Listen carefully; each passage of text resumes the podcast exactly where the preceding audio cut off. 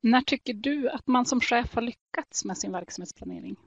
Det är en svår fråga för verksamhetsplaneringen är ju jätteviktig, jätterolig men också ganska svår ju, tycker jag. För det är många av de sakerna i ledarskapet eh, som man behöver få, få färdighet och skickligheter i som sätts på prov lite där då.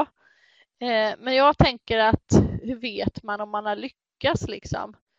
Om man skulle gå ut och känna efter lite så har man ju ändå en eh, verksamhetsplanering som eh, där man har medarbetare som är överens. Om man skulle fråga dem som man jobbar tillsammans med så har man en bild av att det här är våra största utmaningar och det här är de viktigaste målen.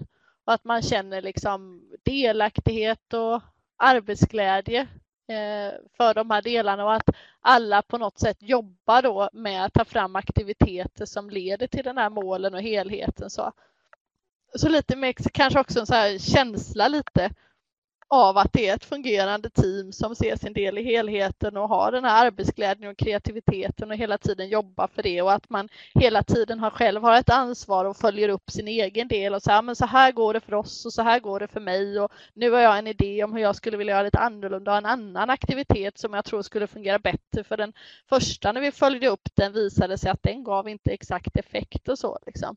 Så man känner verkligen den här energin och även att det finns den här balanserade styrningen när man både tar hänsyn till uppdraget och att man uppnår de målen men också mål och uppdrag kopplade till kundnytta och kundupplevelse och även den här med medarbetardelen med arbetsglädje och så. Att de delarna liksom harmonierar på något sätt och att man faktiskt känner att ah, men det här äger vi och vi utvecklar och förändrar vår planering varje gång. Det är liksom stommen i vår verksamhet. Det är där vi liksom prioriterar och när vi ska prioritera om kanske vi tar bort något annat och lägger till något och det är ett, vårt gemensamma sätt för att liksom ha en planering och genomförande av verksamheten. Då.